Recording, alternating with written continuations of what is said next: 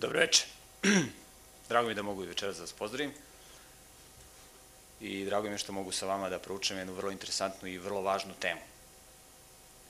Kao što znate, svi narodi, ja verujem, na planeti Zemlji, u istoriji ove naše planete Zemlje, imali su dane, posebne dane svetkovina, dane praznovanja.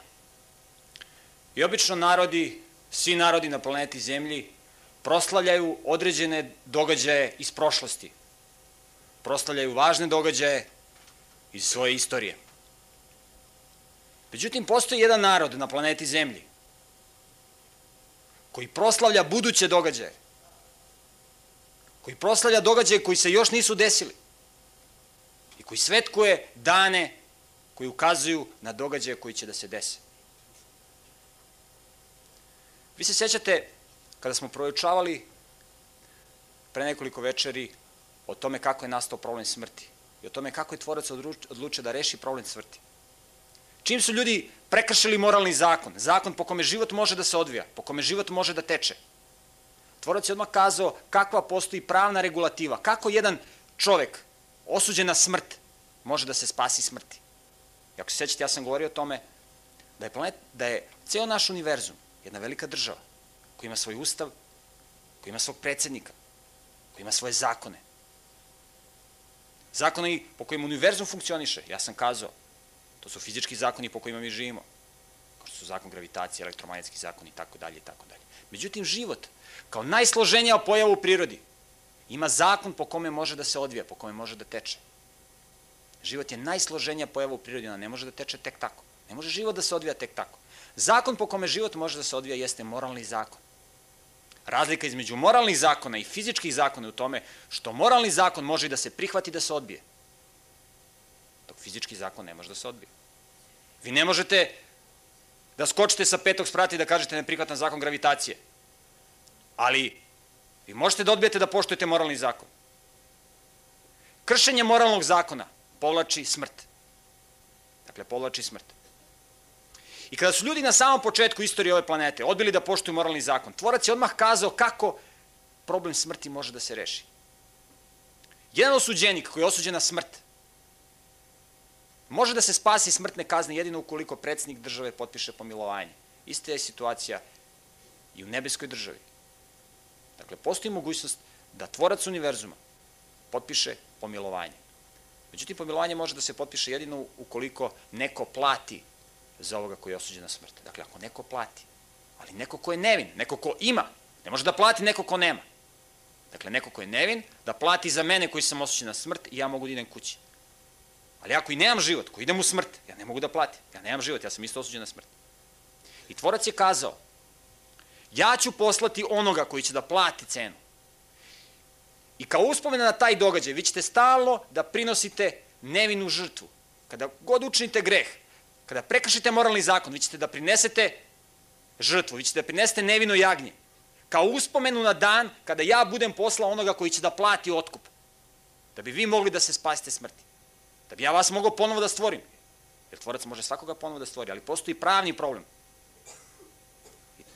I od onda oni koji slušaju Boga i koji poštuju Bože zapovesti, oni iz godine u godinu, iz veka u vek, Prinosili su žrtve koji su ukazivale na onoga koji će da plati.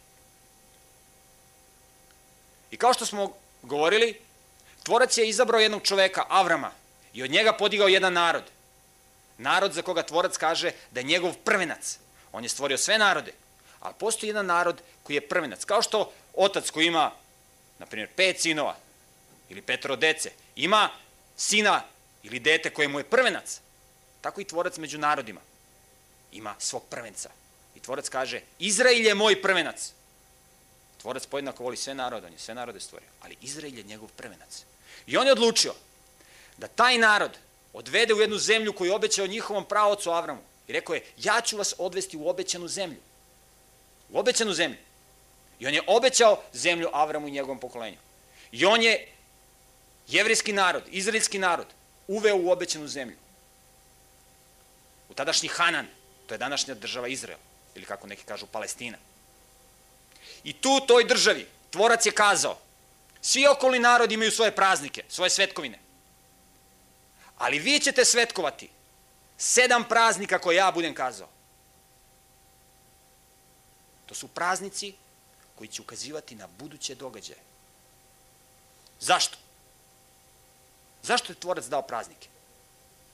Jedini razlog zašto je tvorac dao praznike, zašto je tvorac dao da se prinose žrtve, kao uspune nad budući događaj, jeste rešenje problema smrti. Nema drugog razloga. Problem smrti je problem koji treba da se reši na planeti Zemlji. To je akutni problem. Ne postoji karantin koji može da vas zaštiti od teškog bacila smrti. Ali tvorac ima način kako može da spasi čoveka. I on čoveka obaveštava kako može da ga spasi. I kaže, ja ću u budućnosti delovati na jedan specifičan način. I taj način je opisan kroz ove praznike. Vi ćete obeležavati događaje koji će se desiti u budućnosti. Da nikada ne zaboravite da ću ja da rešim problem smrti. I tvorac daje sedam praznika svome narodu i kaže, vi, Izraelci, vi ćete da budete videlo na planeti Zemlje. Svi narodi rade kako hoće. Krše moralni zakon kako god hoće.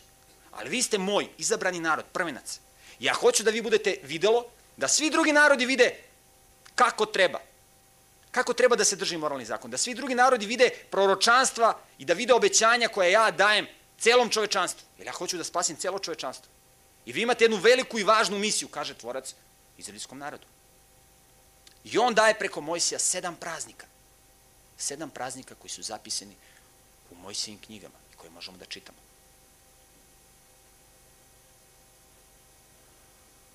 I vrlo je interesantan taj broj 7. Taj broj 7 stalno cirkuliše kroz, kroz sve te spise. Mi smo videli da postoji jedna neverovatna matematička zakonitost broja 7.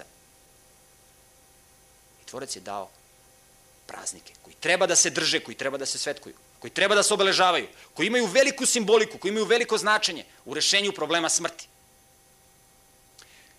Da bismo razumeli, da bismo shvatili praznike, zato što je tvorac rekao tačno kalendarski, kada pada koji praznik. Tog i tog datuma je taj i taj praznik. Da bismo razumeli kada pada koji praznik i kako se obeležava, moramo da razumemo kalendar koji je dao Bog. Dakle, u Bibliji postoji kalendar biblijski kalendar, ili možemo da ga nazovemo jevrijski kalendar, zato što taj kalendar danas uglavnom drže samo jevreji. Ovaj kalendar koji koristi većina ostalog sveta, to je takozvani rimski kalendar, ali postoji biblijski kalendar ili jevrijski kalendar. I zato je potrebno da kažemo nekoliko reči o tom kalendaru. Jer samo ako poznemo kalendar, možemo da razumemo kada, se, kada pada određeni pad praznik i koliko on traje. I to je vrlo važno. Vidite, prema biblijskom kalendaru, dani nemaju imena. Postoji prvi dan, drugi dan, treći dan, četvrti, peti, šesti, sedmi. Dani se broje od stvaranja. Dakle, prvog dana stvaranja, kada je tvorac stvorio nebo i zemlju, to je bio prvi dan. Pa drugi dan, pa treći, četvrti, peti, šesti, sedmi. Dakle, dani nemaju imena, osim jednog dana – Poslednji dan u sedmici, sedmi dan, jedino taj dan ima svoje ime. Taj dan se zove šabat na jevrijskom. Šabat potiče od jevrijskog glagola ližbot. Ližbot znači ne raditi. To je uspomena na stvaranje, kao što smo rekli kada smo proučavali otiske stvaranja. Tvorac je rekao da se šest dana radi, sedmog dana da se ne radi. I taj dan, koji je tvorac posvetio, zove se šabat. Dakle, Prevedeno na naš jezik, dakle, od glagola ližbot ne raditi. Šabat bi mogli da prevedemo u našem jeziku najlakše kao nedelja. Razumete? Šabat. Šabat je dan kada ne rade jevreji. To je jedni dan koji ima ime. Dakle, to je sedmica. Mesec biblijski ili jevrijski mesec se računa od mladog meseca do mladog meseca. Dakle, kada se ugleda mladi mesec, kada se vidi tanak srp, to je prvi dan u mesecu. I kada se ugleda sledeći put, za nekih 28 do 29 dana, opet mladi mesec, to je prvi dan sledećeg meseca. Tako da biblijski mesec ima 29 ili 30 dana. 29 ili 30 dana. Zato što biblijski dan traje od zalaska do zalaska sunca. I ako mladi mesec vidite pre zalaska sunca, on pada u taj dan. Ali ako ga vidite posle zalaska sunca, onda on pada u sledeći dan. Prvi dan tog meseca. To je vrlo važno. To je biblijski mesec i postoji biblijska godina. Biblijska godina, odnosno jevrejska godina, može da ima 12 meseci, a može da ima 13 meseci. Prvi mesec u godini, Bog je rekao koji je prvi mesec u godini, on je rekao Mojsiju, kada ih izvodio iz egipatskog robstva, rekao je, ovo će vam biti prvi mesec u godini. I to je mesec Aviv ili Nisan. Aviv znači proleće. Ili Nisan. Nisan znači zreo ječan. Kako znamo koji je prvi mesec u godini? Prvi mesec u godini je mesec kada zri ječan. Ječan, ječan je prva prolećna kultura koja zri u, u Izraelju. Ječan. I tog meseca kad zri ječan, to je prvi mesec u godini. Sledeći mesec je drugi, treći, četvrti, peti, šesti i tako redom, do 12. meseca. Ali pošto jevrijski meseci, odnosno biblijski meseci, traju 28 ili 29 dana, dakle, biblijska godina traje 354 dana, ili 355 ili 356, zato što dani meseci mogu da traju 28 ili 29 dana. Dakle, 354, a ne 365. I onda može da dođe do takozvane fazne razlike, ajde tako kažem. Tako da, kada dođe 12. mesec, naredni mesec,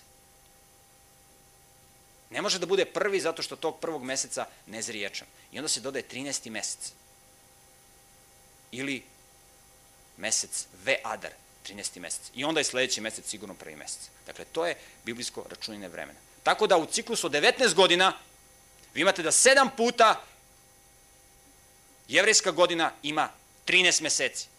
7 puta u ciklusu od 19 godina. I to je taj, taj takozvani solarno-lunarni kalendar. I taj kalendar je za nas važan. Jer da bi razumeli praznike, kada padaju, praznike koje je gospod dao, moramo da poznemo kalendar. I vi danas možete nabaviti ovaj kalendar, ovaj jevrijski kalendar možete nabavite. Imate u svakoj jevrijskoj opštini da nabavite, a imate i u pravoslavnom kalendaru, a, pošto pravoslavni kalendar se ne uklapa u ovaj zvanični rimski kalendar, on takođe ostupa od ovog konvencionalnog kalendara, u njemu takođe imate, što je vrlo važno, imate datume kada je mladi mesec. Tako da ako, ako imate pravoslavni kalendar, takođe možete da vidite kad počinju meseci, to je vrlo važno ako nemate jevrijski kalendar, pošto se on teže nabavi nego pravoslavni kalendar. Dakle, mi imamo mogućnost da znamo kada počinju meseci.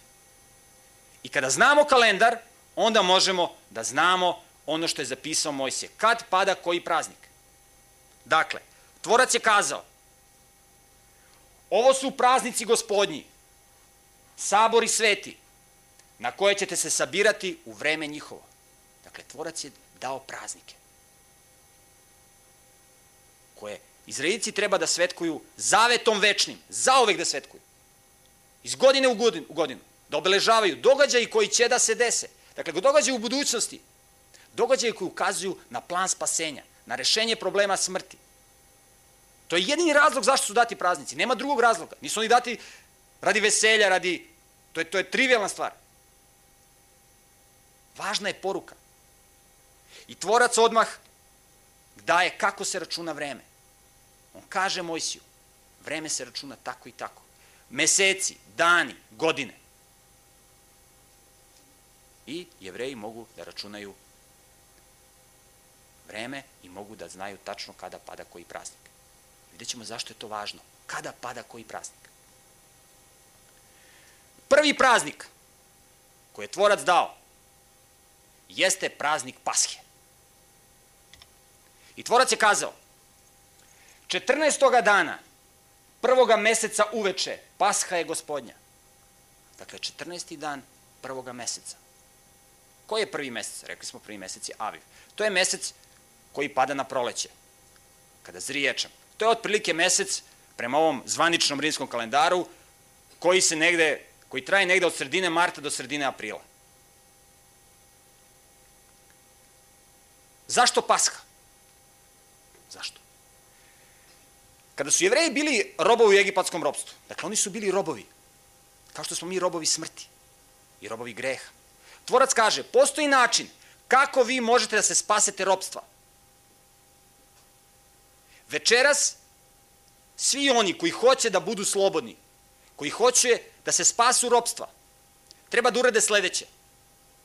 Treba da uzmu jaginje, desetoga dana 14. meseca.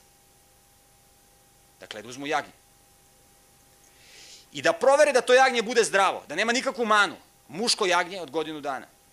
I da ga čuvaju do 14. dana. 14. dana to jagnje treba da se zakolje. I sa krvlju toga jagnjeta treba da se namažu dovraci na vratima. Dakle, treba da se namažu dovraci sa krvlju jagnjeta. Zato što ću ja, kaže gospod, uveče u ponoć proći kroz Egipat, kroz državu koja vas drži robovima i pobiću sve prvence. Ja sam i pre toga činio čuda, kaže gospod, ali oni nisu hteli da vas puste. Ali sad kad budem pobio sve prvence, onda će da vas puste. Ali oni, kod kojih ne bude bilo krvi, jagnjeta na dovracima,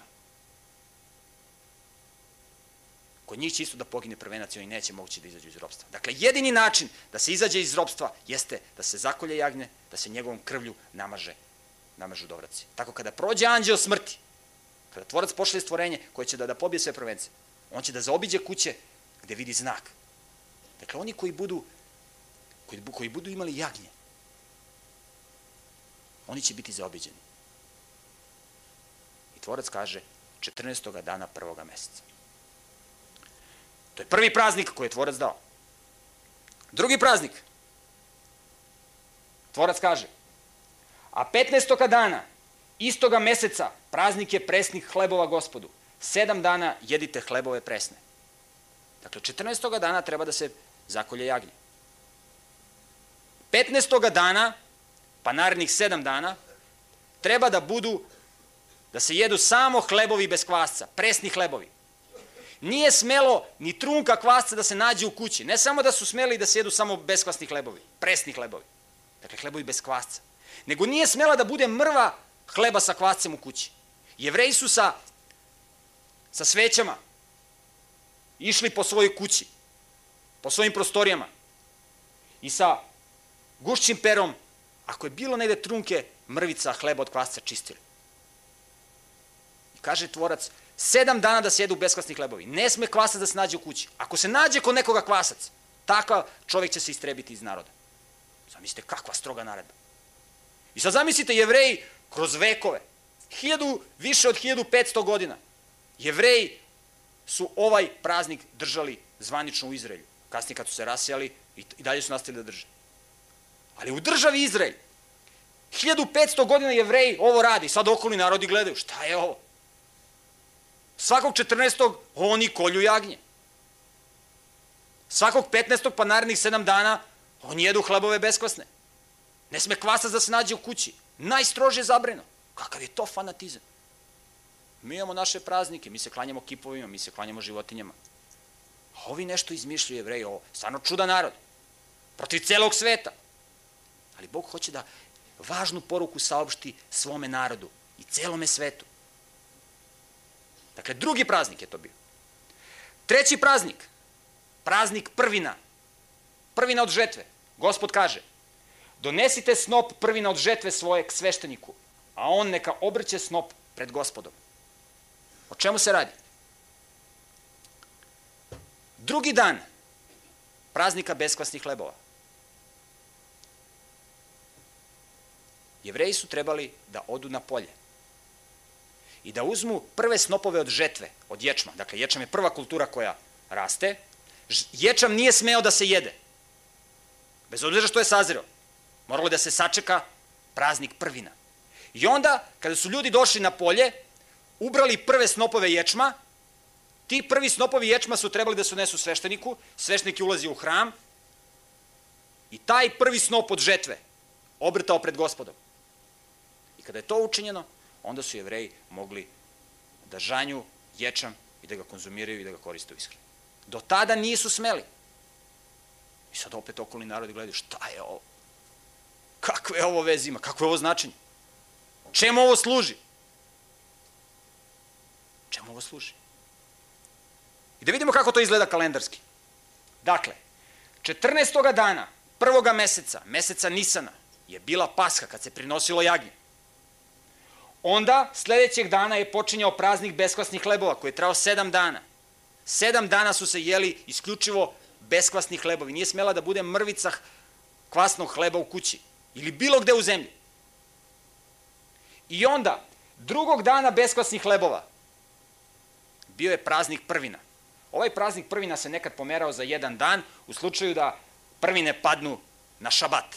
Dakle, na šabat, na sedmi dan, praznik prvina nije mogao da, da, da padne. Tvorac je rekao u zapovesti, ako prvine padnu na šabat, da se pomeri za jedan dan. Ali obično je bilo drugi dan praznika beskasih hlebova. I to je treći praznik koji je tvorac dao. I konačno, četvrti prolećni praznik. Tvorac kaže, praznuj praznik sedmica, prvina žetve pšenične. Dakle, od trenutka kada su se prvi snopovi od ječma doneli u hram i pokazali pred gospodom, kada je svešnik to uradio, od tog trenutka, od praznika prvina, brojalo se sedam sedmica, opet sedmice, sedam puta sedam, 49 dana i 50. dana se učinilo isto ono sa, što se radilo sa ječmom, učinilo se sa pšeničnim snopovima. Dakle, prvi snopovi od pšenice su bili požnjeveni, donešeni pred gospoda i je, ta, tek je tada smeo da se konzumira da se konzumira pšenica i da se ona žanje i da se, da se jede. Do tada nije smelo. Dakle, tek tada. I tada, na praznik sedmica, više nije bilo beskasnih hlebova, nego su se prinela dva hleba sa kvascem. Dakle, dva hleba sa kvascem. I to je svešnik prineo pred gospoda. Dva hleba sa kvascem. I opet su se okoli narodi čudili. Šta izmišljaju ovi jevreji? Kakva je ovo fantazija? Kakve ovo veze ima? Ali jevreji su to držali iz godine u godinu.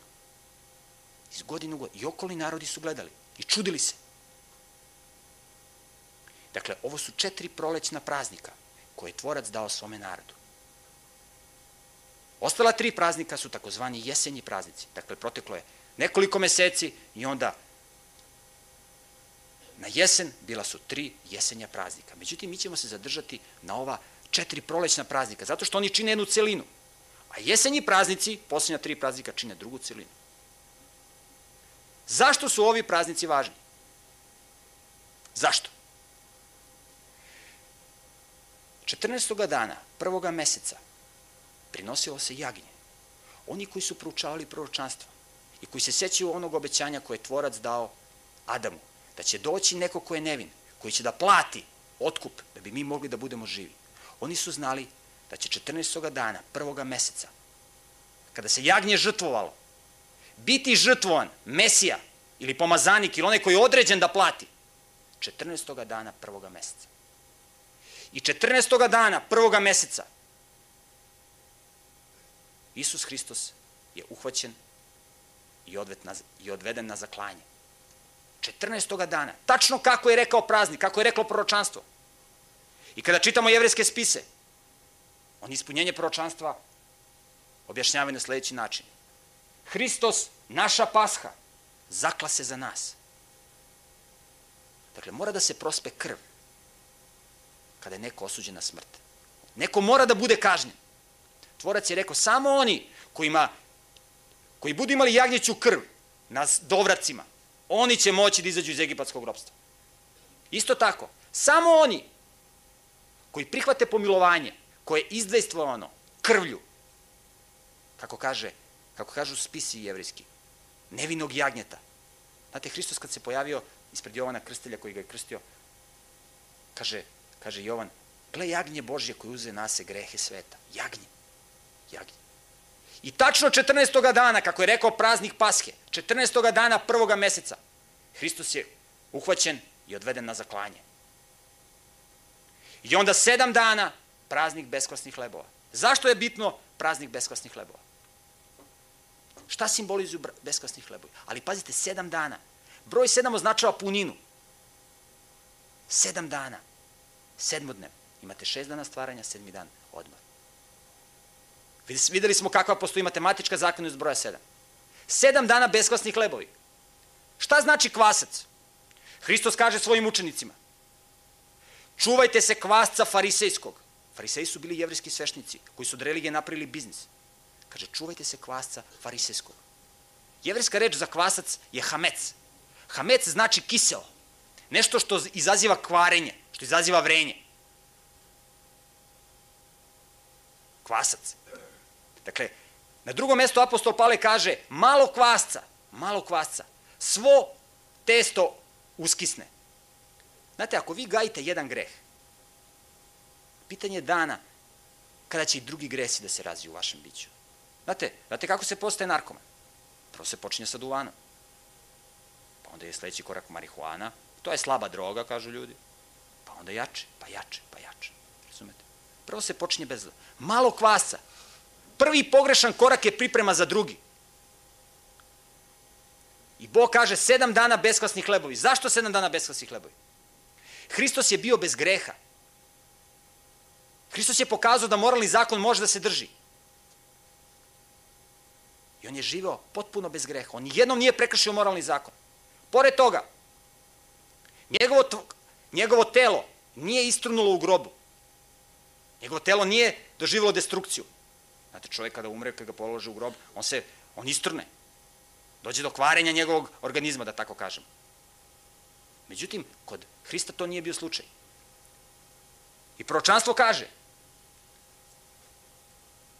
deset vekova pre Hrista, jer nećeš dušu moju ostaviti u grobu, niti ćeš dati da svetac tvoj vidi truljenje.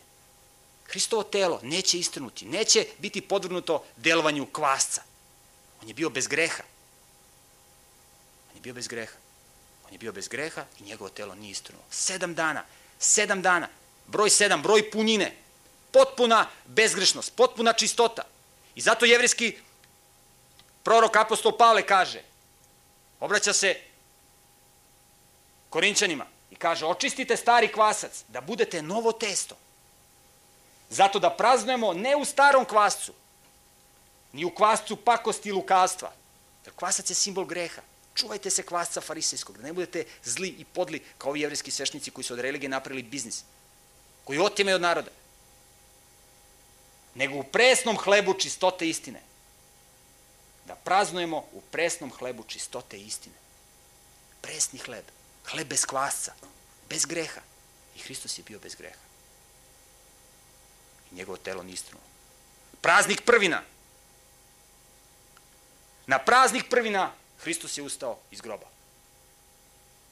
I jevrijski spisi kažu, Hristos usta iz mrtvih i bi prvina onima koji umreše. Vidite, Hristos je ustao iz groba na praznik prvina. U Bibliji je žetva simbol vaskrsenja, kada Bog bude ponovo ljude stvarao. Međutim, postoji prvi snop od žetve, prvi snop vaskrsenja. Prvi snop je Hristos, kažu proročanstvo. Dakle, prvo ide prvina od žetva, pa onda može da bude žetva. Ali dok se ne požnjeve prvi snop, ne može da se žanje ječan. I na praznik prvina, na praznik prvina od žetve, Hristos je vaskrsao. Kako je reklo proročanstvo? Kako je rekao praznik? U dan se ispunilo. U dan. I vidite, Hristovo vaskrsenje je zalog da ćemo svi mi biti jednog dana vaskrsnuti. Tako je tvorac obećao, tako je on obećao. Svi će biti vaskrsnuti. I zato je on prvi na od žetve. A vaskrsenje je žetva koja će da usledi. Jedno veliko vaskrsenje, jedan, jedan grandiozan događaj koji, se, koji će se desiti u budućnosti. Ono što je tvorac obećao, da će svi biti ponovo stvoreni. On je rekao da svi oni koji spavaju u prahu zemaljskom, mi smo govorili uče o tome šta je smrt, da je to, da je to spavanje u fiziološkom smislu. To je spavanje. Da će svi oni koji spavaju u prahu zemaljskom biti ponovo stvoreni. Jedni na večni život, a drugi na sud. Na sud. Tako je tvorac obećao. Mi možemo da mu verujemo ili da mu ne verujemo. Mi smo veliki deo otkrivenja koje je tvorac dao naučno testirali i videli da je u apsolutnom skladu sa naučnim činjenicama. Postoji jedan domen kome ne možemo naukom da priđemo. Zato što je naša nauka ograničena. Mi smo ograničeni. Mi nismo dosegli naukom toliko da možemo da uđemo u svaki domen onoga što tvorac kaže. Ali postoji taj jedan mali domen koji ne možemo da testiramo naučnom metodologijom. I zato, ali na osnovu onog velikog domena koji smo proverili, mi možemo da imamo poverenje ono što, što tvorac kaže. Dakle, Hristos je vaskrsao na praznih prvina, na prvine od žetve, na prvine od vaskrsenja. I čitajte proročanstva koje su zapisane u jevrijskim spisima, gde se opisuje vaskrsenje kao velika žetva, gde anđeli dolaze i žanju žito. Čitajte. To je veliko obećanje. I onda, poslednji prolećni praznik. Praznik sedmica. Brojalo se sedam puta po sedam nedelja od praznika prvina. I onda je bio praznik sedmica. Naredni dan je bio 50. dan praznik sedmica. Šta se desilo 50. dana od praznika prvina? Zašto je to važan događaj? Zašto je tvorac rekao da se taj događaj obeležava kao do, važan događaj u budućnosti? Šta se desilo 50 dana nakon Hristovog vaskrsenja? Vidite, tvorac je dao veoma važne poruke, veoma važne informacije jevrejima. Međutim, kod jevreja zavladao fanatizam, kod većine njih. I oni su ostale narode smatrali za pse, za ništavne. Nisu hteli uopšte s njima da se druže. I tvorac je rekao, ne trebate da s njima da se družite, nemojte da prionete u grehe njihove, ali budite prijatelji s njima, pomozite im gde god možete. Međutim, jevreji su otišli u fanatizam. Većina, ne svi. Ozbiljni jevreji ne. Ali većina je otišla u fanatizam. I uopšte su mrzeli sve druge narode. Smatrali su i paganima neznabošcima. Oni jesu bili pagani neznabošci. Ali tvorac nije tako hteo. I oni su uopšte s njima nisu mešali. Međutim, 50. dana, na praznik sedmica, to je bio praznik kada su svi jevreji morali da budu u Jerusalimu. Postoje tri praznika od ovih sedam praznika. Kada su svi jevreji morali da dođu u Jerusalim. Bio je praznik Pashe, prvi praznik, praznik sedmica, to je ovaj četvrti praznik i poslednji sedmi praznik, o kome ćemo govoriti u narednim predavanjima. I na praznik sedmica svi jevreji su bili u Jerusalimu. I bili su mnogi narodi okolni koji su došli da gledaju šta to jevreji rade. Jer su videli da tu postoje važne informacije. Oni su znali da je jevrejski bog živi bog, da je on tvorac univerzuma. I oni su došli. I toga dana, prvi put u istoriji, javno, jevreji su izašli među neznabošce, među okolne narode. I izno, iznosili im jevrejske svete spise. I govorili im o jevrejskom Bogu. I govorili im o Mesiji koji je došao i koji je rešio problem smrti. Prvi put jevreji se mešaju među neznabošce. Zato se iznose na praznih sedmica dva hleba sa kvascem. Dakle, to su hlebovi sa kvascem, koji predstavljaju jevreje i neznabošce, ali sa kvascem. Jedni drugi imaju greh u sebi. I oni sada postaju jedno. Ispunjeno proročanstvo O njemu govori takođe jevrijski prorok Pavle. On kaže, on, Hristos, je oba dela sastavio u jedno. Oba dela, i jevreji i neznabošce. To je jedno veliko telo, njegova deca. On je oba dela sastavio u jedno. I razrušio pregradni zid koji ih je rastavljao. Postoji jedan veliki zid, jedna velika barijera između jevreja i neznabožaca. Ali kaže, on je sve sastavio u jedno, Hristos. Da stvarajući mir, od te dvojice, od jevreja i neznabožaca, načini u sebi jednog novog čoveka. Dakle, Hristos je svojim životom pokazao jevrejima kako treba biti jevrejin. Hristos je bio jevrejin po majci. I on je svojim životom pokazao kako treba postupati sa neznabošcima. Da s njima treba biti prijatelj. Da su to isto ljudi koje on stvorio. I to je četvrti praznik koji se ispunio u dan. Pazite, u dan Tvorac je dao četiri ova praznika prolećna, koje ukazuju na prvi dolazak Mesije. Na prvi dolazak Mesije. Dakle, ono što želim da ponovim, što je važno u ovom proučavanju, jeste da prva četiri praznika, prolećna praznika, ukazuju na prvi dolazak Mesije. I ona su se ispunila u dan. Praznik Pashe, tačno dan kada je Hristos uhvaćen i kada je odveden na zaklanje. Praznik besklasnih hlebova, Praznik koji ukazuje na to da će Hristos biti bezgrešen, da njegovo telo neće istrnuti. Praznik prvina koji ukazuje na Hristovo vaskrsenje. On je prvi koji je vaskrsnut na večni život. Da Hristos nije vaskrsnut, da Hristos nije rešio problem smrti, niko od nas ne bi imao pravo na ponovno vaskrsenje. Niko. Niko od nas ne bi imao pravo na novi život. Mi bi mogli samo da, kada umremo, da budemo sahranjeni i da istrunemo svojim grobovima. I da nikad se ne nadamo da ćemo biti ponovo stvoreni. Ali on je prvenac On je prvi od onih koji su vaskrsli. I tako kaže proročanstvo. Bi prvina, on je prvi i prvina od onih koji umreše. I konačno, praznik Pedesetnice. Kada su jevreji prvi put propovedali ono što im je Bog dao neznabošcima. I od onda vatra jevrejske religije, jevreskog koncepta je zapalila ceo svet. I danas velika većina, veliki broj ljudi na planeti Zemlji, veliki, veliki broj civilizovanog veliki procent civilizovanog sveta je prihvatio jevrijski koncept. Bez obzira što je on izvitoperen na mnogim mestima. Ali ljudi mogu da se informišu, ljudi mogu da znaju. Jevrijski spisi su prevedeni na preko 2000 jezika. Jevrijski spisi predstavlju bestseller u knjiženosti. Knjiga koja je štampana u najviše primeraka. To su, knjiz, to su jevrijski spisi. Zapisani u kanonu Biblije. Ono što je važno da zapazimo jeste da su pred nama jesenji praznici. Pred nama su tri jesenja praznika koji ukazuju na drugi dolazak Mesije. U prvom svom dolasku Mesija je došao kao jagnje, kao nevino jagnje. Kaže, kao jagnje na zaklanje vođen bi, kaže jevrijski prorok Isaija. Mučen bi i zlostavljan.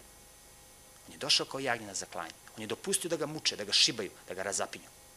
Ali dolazi dan kada on neće doći kao jagnje, nego kada će on doći kao tvorac univerzuma, da reši problem greha i da reši problem smrti.